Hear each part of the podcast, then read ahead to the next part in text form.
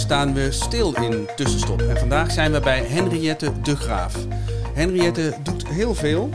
Ze is inspirator, creatief denker en storyteller.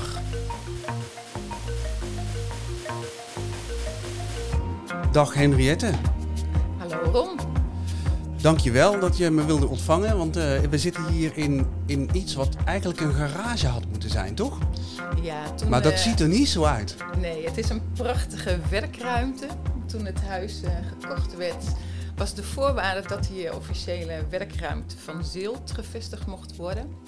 Dus een verzoek naar de gemeente ingediend met een prachtige grote glazen pui direct naast het huis, waardoor je hier opdrachtgevers kunt ontvangen. Ik vond jou op uh, de Wageningse Makers site. Dus dat betekent dat jij jezelf beschouwt als maker. Klopt dat? Of, of heb je dat iets breder geïnterpreteerd? Ja, ik heb het breder geïnterpreteerd.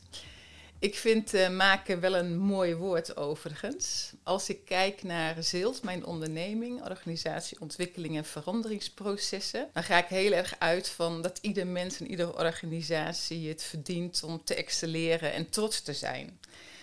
En de manier waarop ik dat doe is heel vaak uh, werken met creatieve middelen. Onder andere zet ik storytellingen en theaterwerkvormen en kunstvormen in om beweging te creëren. En, en, kun je daar een voorbeeld van geven? Ik probeer, me dat, ik probeer me dat voor te stellen. Dus je gebruikt theatervormen. Dan hebben we het over een organisatie die jou benadert en die, die willen een, een verandering doorgaan. Die, die, die groeien hard en die moeten hun organisatie anders inrichten. Ja. En dan komen ze bij jou en dan ga je een toneelstuk met ze maken. Nee, ik chargeer ga, een beetje. Ja, nee, dat begrijp ik. Dat begrijp ik. Ik begrijp die vraag ook. Nee, ik ga zeker geen toneelstuk met ze maken. Ik zit bijvoorbeeld vaak uh, binnen teambuilding, organisatieontwikkeling, daar waar veranderingsprocessen zijn. En waar veranderingsprocessen zijn, daar heb je heel vaak, uh, nou ja, soms spanningen. De een die is heel blij met veranderingen, de ander die uh, refereert aan een oud stuk. Soms moet er een nieuwe teamspirit met elkaar ervaren worden. Zo van, dit is het toekomstbeeld dat we met elkaar hebben en daar moeten we naartoe. En dan krijg ik um, soms vragen van opdrachtgevers of ik um, met een organisatie of een team een nieuw beeld kan creëren. Waar eigenlijk iedereen zich in uh, herkent of ziet. Is dat altijd mogelijk? Ik kan me voorstellen dat je ook in organisaties komt die uh, heel duidelijk naar een, naar een nieuwe toekomst gaan. En precies zoals je zegt, verandering roept. Uh, nou, ik, ik zou bijna zeggen, roept eigenlijk ook weerstand op. Want er zijn altijd mensen die niet willen veranderen. Klopt. En eigenlijk moeten die gewoon een schop onder hun kont krijgen, toch? Um, maar dat gaat niet. Ja, ja. Nou ja, dat gaat niet. Het mooie is, dat vind ik, uh, storytelling zie ik zelf bijvoorbeeld gewoon heel sterk. Um, het kan heel erg verbinding creëren daar waar je uitgaat van ieders eigen oorspronkelijke verhaal. Want als ik bijvoorbeeld iets met storytelling doe, zakelijk storytelling, dan begint ieder met zijn eigen kleine verhaal. En niet dat je dat aan iedereen gaat vertellen, want dan wordt het natuurlijk gewoon heel verveeld gebeuren om naar te luisteren. Maar vervolgens zijn we wel in kleine groepjes aan het trechteren en zitten al de elementen van al die verhalen in nieuwe beelden die gevormd worden. Dus dan ben je eigenlijk bezig met verbinding. Je hebt het verleden, het heden en de toekomst. En verhalen vertellen vaak heel erg veel over de organisatie en over organisatiecultuur. Dus daar waar een organisatie in de verandering zit of het gaat over communicatie, kun je heel veel informatie halen uit uh, de verhalen van de ja, uh, de werknemers, de ja. teamleden, zeg het maar. klinkt ook alsof je dan mensen... Ik probeer gewoon voor te stellen hoe dat gaat. Storytelling te gebruiken in zo'n best wel zakelijke setting. Ik vind dat heel boeiend. Ja, dat, dat begrijp ik. En het is ook heel erg boeiend.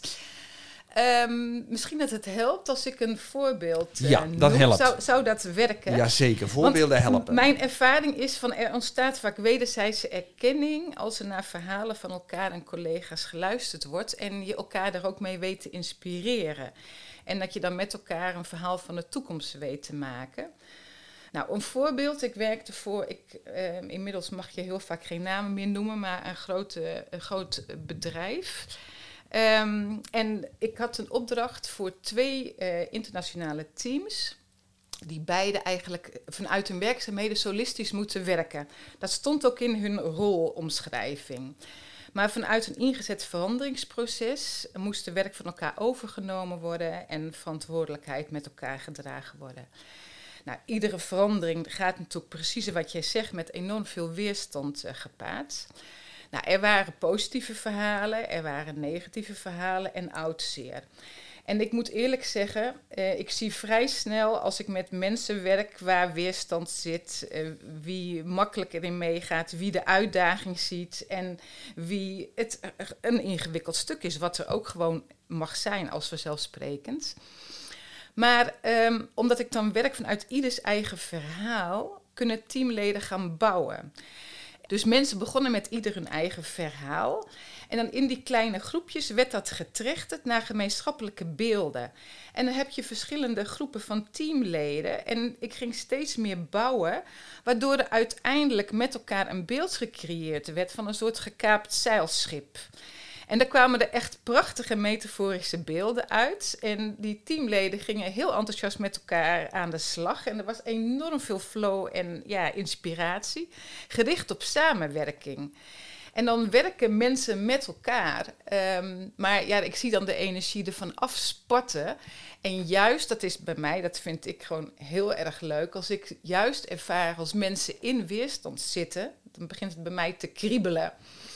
Um, want nou ja, wat ik net al eerder noemde, van ieder mens die is tot vaak zoveel meer in staat dan hij of zij denkt.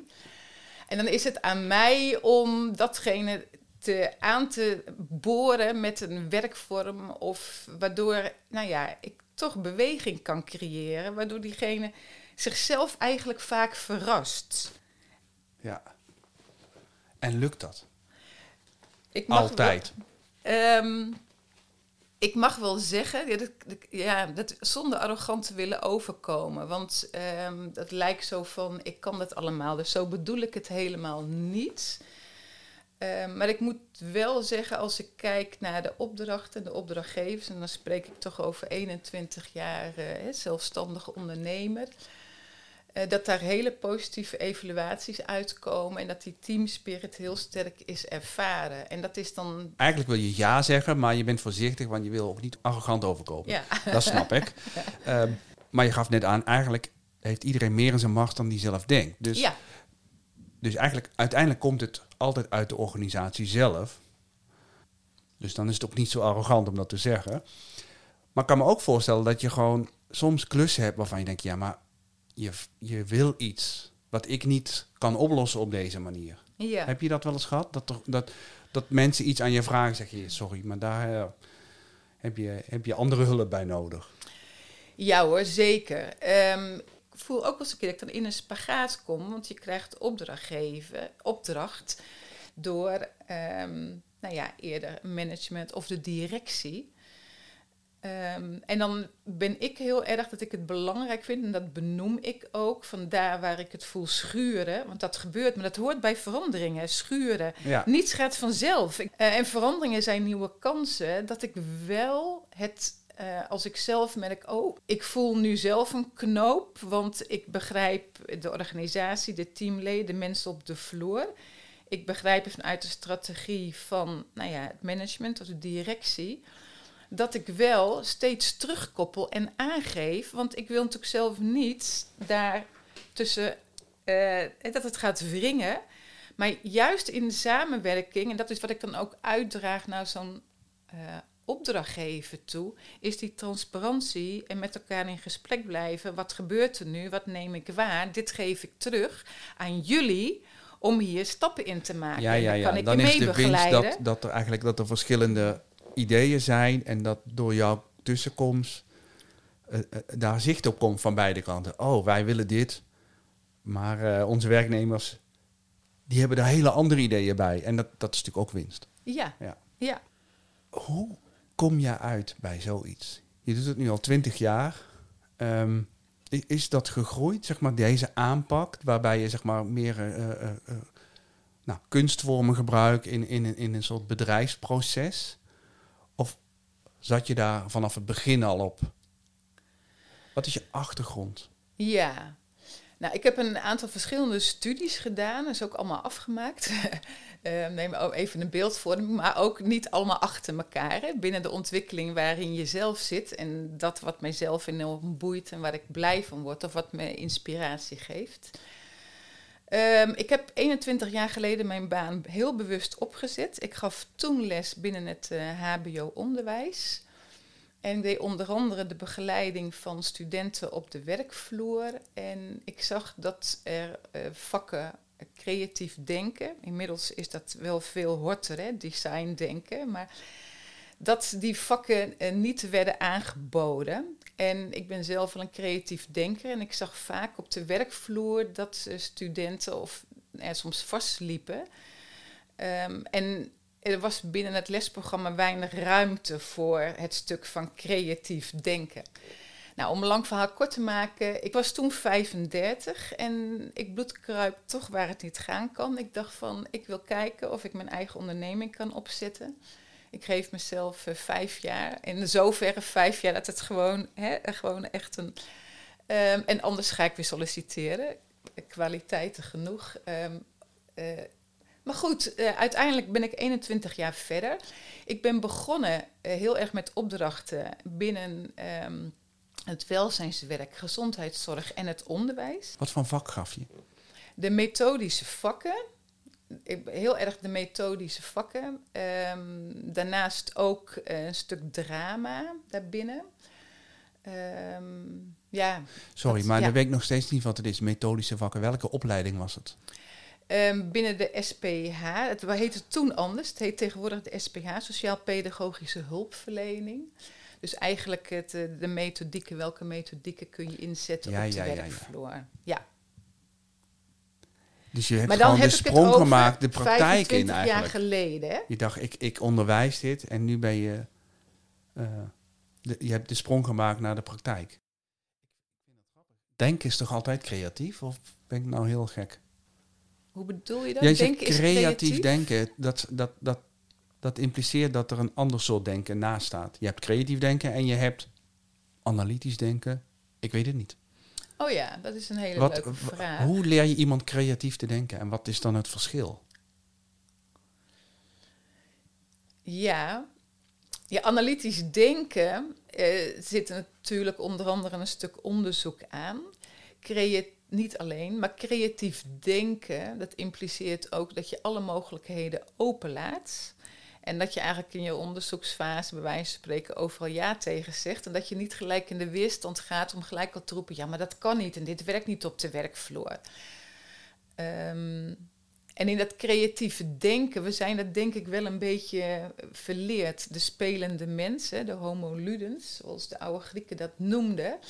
Dat zijn we denk ik wel een beetje kwijtgeraakt. Het mooie is, als ik gewoon kijk naar alle ontwikkelingen, gewoon afgelopen tien jaar of misschien al langer, dat het creatieve denken weer heel erg wordt gewaardeerd in het bedrijfsleven.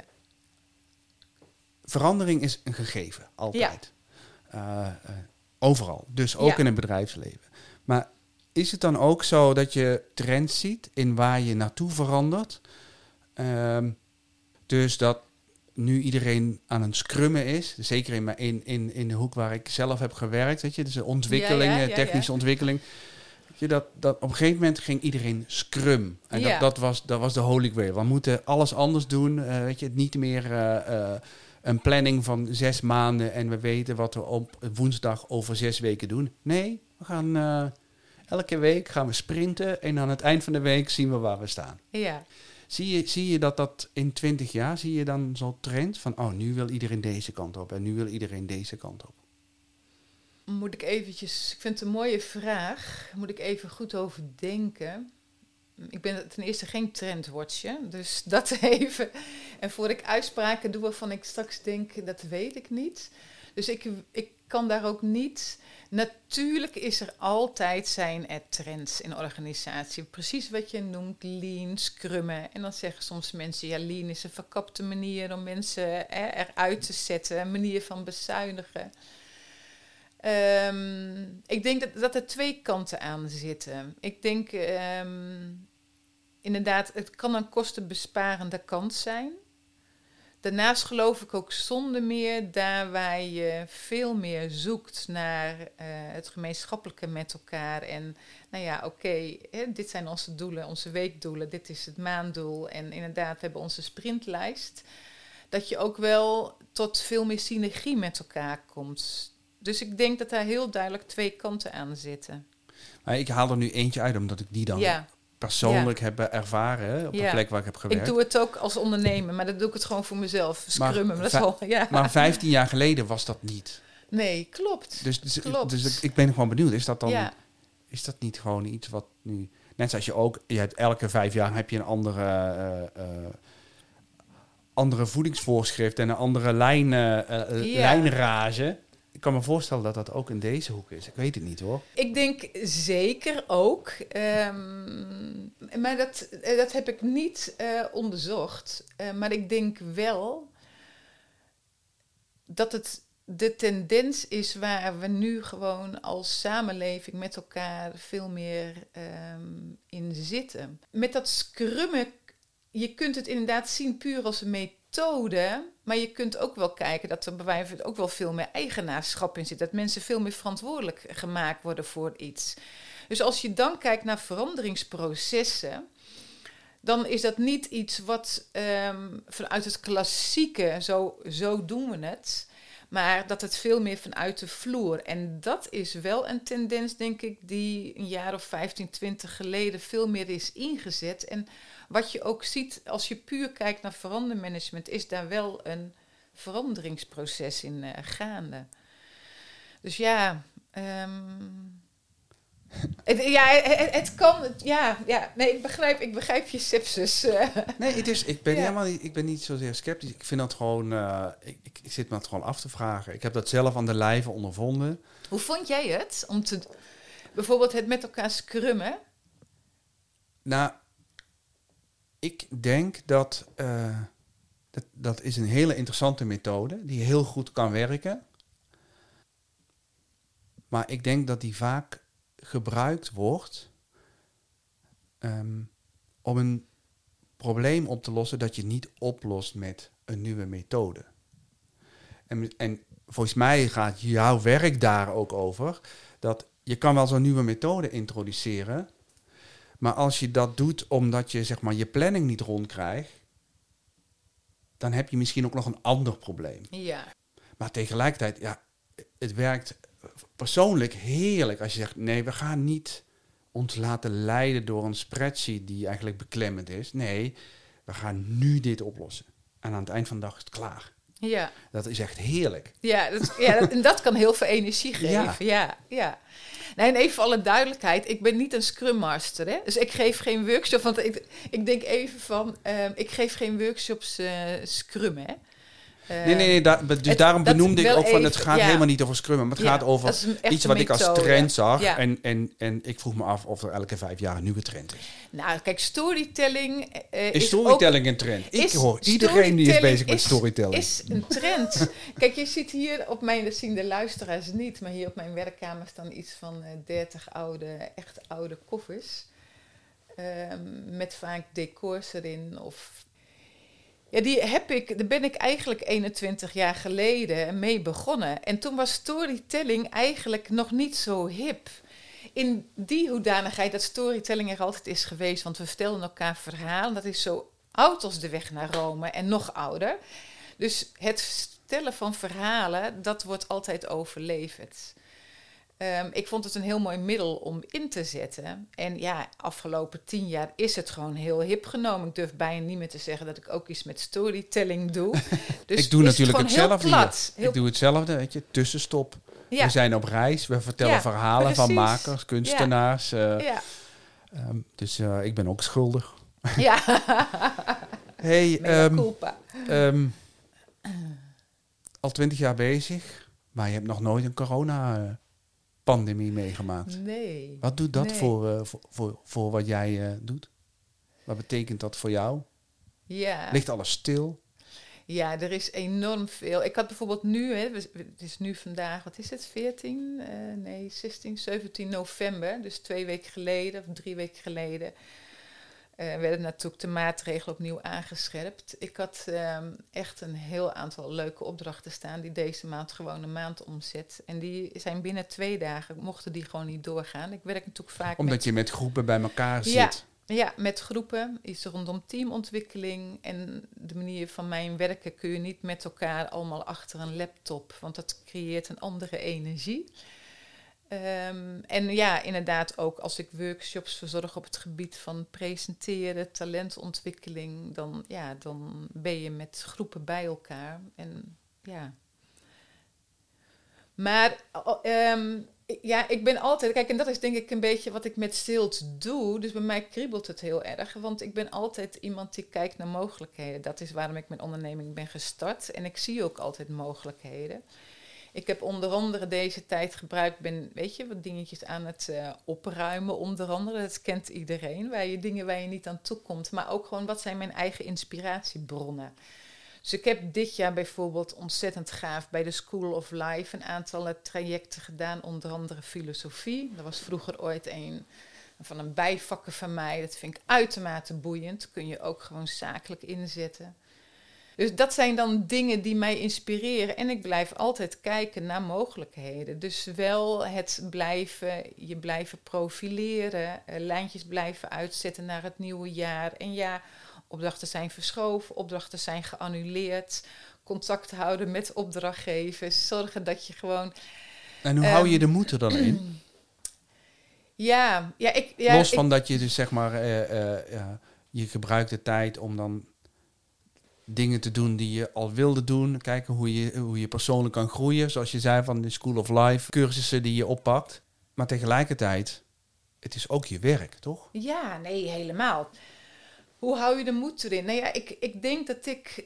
Um, um, ik heb niet een horeca-onderneming. Dat ik... Uh, kijk, uh, mijn werkruimte hier... Dus, ja, die, het is al betaald, om maar zo te zeggen. Dus ik heb niet dat ik een horeca-onderneming die nu wellicht tot zijn nek in de schulden zit. Dus dat is iets wat denk ik al een hele geruststelling is. Um, en uh, ik blijf werken houden. Oké, okay, niet alles valt stil. Nee, maar gewoon veel. Die omzet is, is gewoon uh, heel erg. Uh, ja, dus. Um, maar ik ja, ik, ik, het, het is gewoon nu een mondiaal probleem. En daar hebben we gewoon allemaal mee te dealen. Ja. En ik, ik wil bij mezelf die energie en dat vuurtje blijven voelen. Dus dan ga ik op zoek naar dingen. Dus jouw vraag voor die podcast, dat is dan voor mij een cadeautje. Daar hoef ik niet over te denken. Jij zei tegen mij, hè, zo begon je gesprek, dank je wel. Maar dat vind ik, dat moet ik eigenlijk aan jou zeggen. Dat komt dan op mijn weg.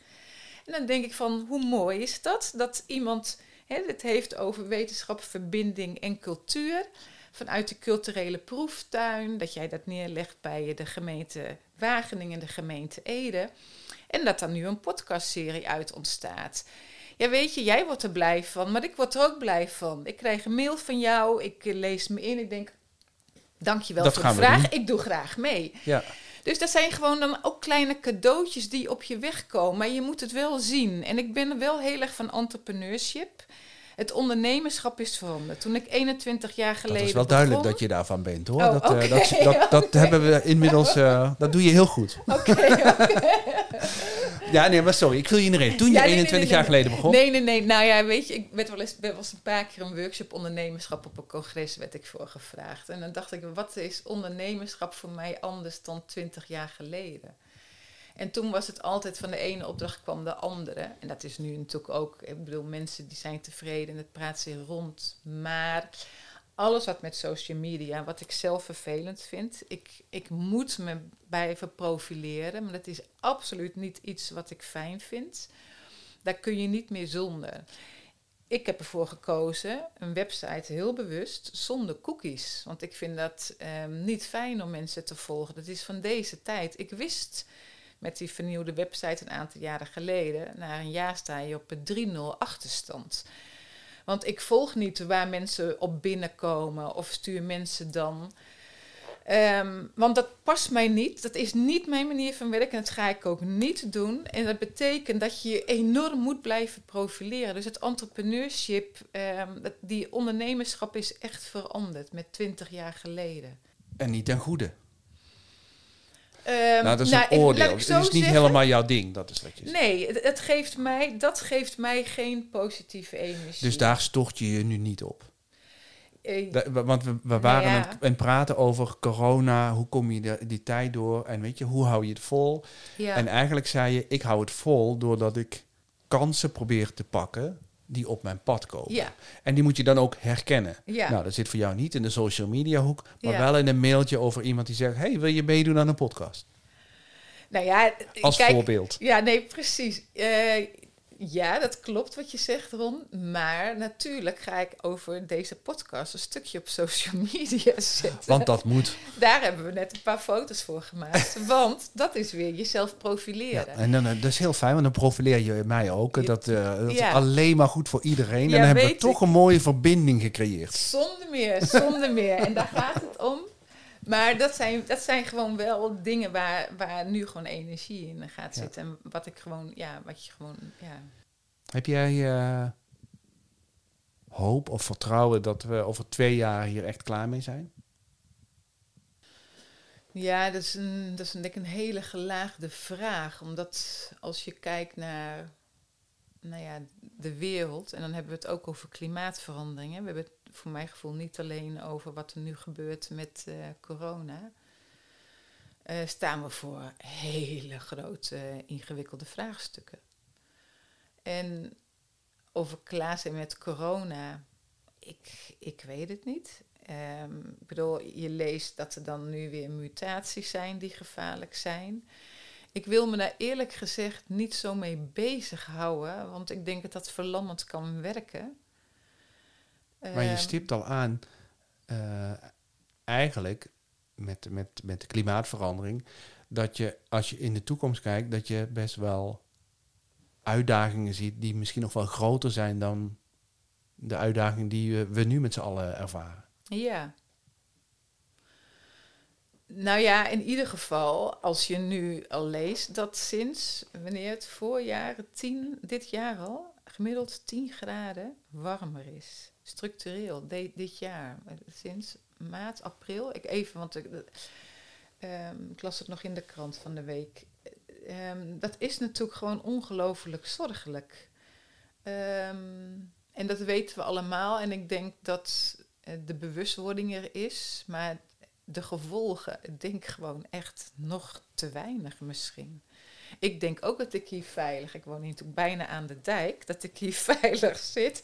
Maar ik weet het wel een paar keer. Dat is al, was tien jaar geleden ook.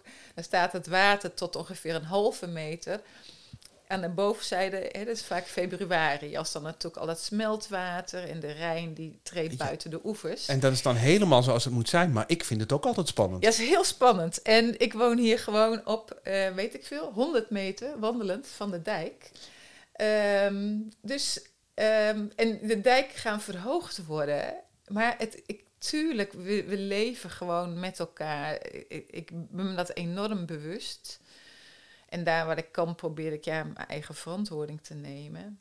Ehm, ja, het is gewoon heel ingewikkeld, toch wel, vind ik.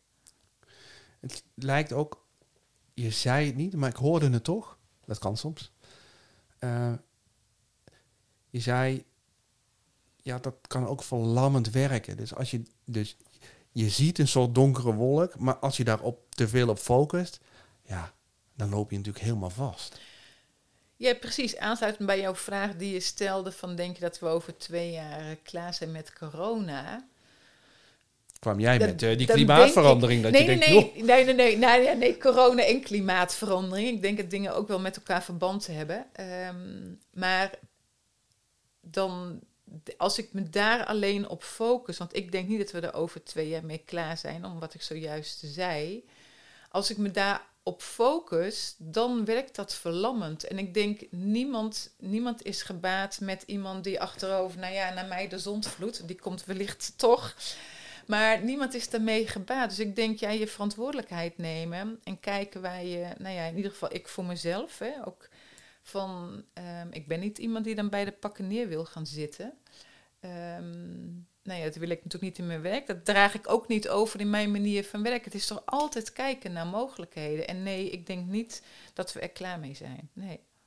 Kijk je er dan ook uh, beroepsmatig naar? Want als je dan als specialist in verandering, zou je er ook naar kunnen kijken als een uh, onvermijdelijk proces. Er liggen grote uitdagingen, daar moet heel veel voor veranderen. Dat kan niet anders dan dat dat in de maatschappij, en dat gaat dan over een maatschappij uh, over de hele wereld, um, precies diezelfde frictie uh, veroorzaakt die het ook in de kleine setting in jouw werk uh, veroorzaakt. Snap je wat ik bedoel? Dus dat het proces we, zijn als, we, we, zijn, we zijn als wereld zijn we, hebben een aantal uitdagingen en dat vraagt heel veel verandering ja. van iedereen. Ja, ja, zeker. En dat zorgt dus voor frictie en problemen en weerstand. Vanzelfsprekend, ja. Uh, ja. Um, gele hesjes en natuurgekkies. En weet je, we kunnen ze allemaal uh, aan, aan een of andere kant van de lijn uh, ja. zetten. Um, maar misschien hoort dat er gewoon bij.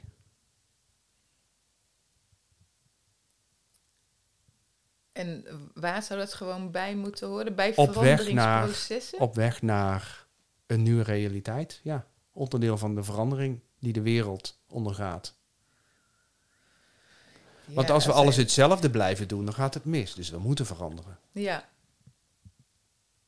Of ben ik nu al, uh, zit ik nu al een, uh, nou, ik, ik, in, in een hokje? Even, wat is precies de vraag achter? Want op zich, het is een heel mooi gesprek. Ik zat te denken. Ja. Um, um, we hadden het over de toekomst. Ja. Uh, en ik begon met corona, maar we, we, keken ook al iets verder vooruit. Er, er, zijn meer uitdagingen die we als wereld uh, uh, voor ons hebben.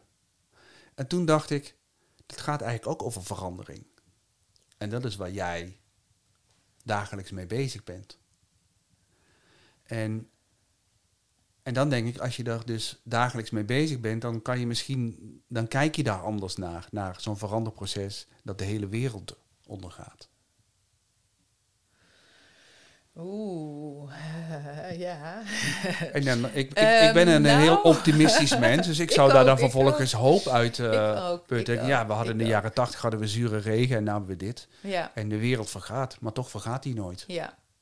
Nee, maar dat, dat, dat ben ik met jou eens. En um, ik ben, ja, Um, ik maak hem veel makkelijker. Nee, ben jij een optimistisch mens? Erg, absoluut. En waar vind, je dan, waar vind je dan de hoop als je ziet van je, je stipt er net, je stipt er net aan corona, nou je weet het niet. En klimaatverandering, we hebben echt geen idee. Nee. Uh, het ziet er in ieder geval heel spannend uit. Uh, we, ja. hebben, uh, we, we, hebben hier een dijk die verhoogd moet worden elke 10 jaar, 20 jaar, ik weet het niet. Je kan genoeg zien waarvan je denkt, oh, het komt nooit meer goed. Ja. En toch zeg jij, nee, ik ben een optimistisch mens. Ja. Hoe doe je dat? Nou ja, ik geloof wel heel erg in de veerkracht van. En um, ik heb mijn laatste heb ik wat gelezen, maar wat, wat, een aantal vragen die ik had van is het nu dat er bijvoorbeeld nu veel meer als je gewoon de kranten leest, als je gewoon ziet wat er overal in de wereld gaande is, lijkt het wel in mijn perceptie, maar misschien omdat je ouder bent, uh, ouder wordt, uh, dat het erger is dan tien of twintig jaar geleden. Maar het schijnt, en dat heb ik niet zelf verzonnen, um, dat als je naar de wereldgeschiedenis kijkt, processen, dat het eigenlijk een steeds zelfde soort proces, of in ieder geval, uh, en dat het niet schrijnender is of erger dan honderdduizend jaar of hoe lang geleden ook. Um, met ik vind er nu, ik, ja, um, er is gewoon heel veel om je zorgen over te maken. En dan ben ik gewoon heel erg van, ja, jouw vraag van wat is dan je optimisme? Ik ben dan toch ook heel erg van de veerkracht en toch ook altijd gewoon, ja, geloven in dat er gewoon ook gewoon heel veel goed en dat we met elkaar heel veel voor elkaar kunnen krijgen. Er zijn gewoon zoveel ontwikkelingen en uitvindingen geweest Um, en het besef, iedereen, ook de wereldleiders, iedereen is, he, heeft in de gaten wat de ernst is.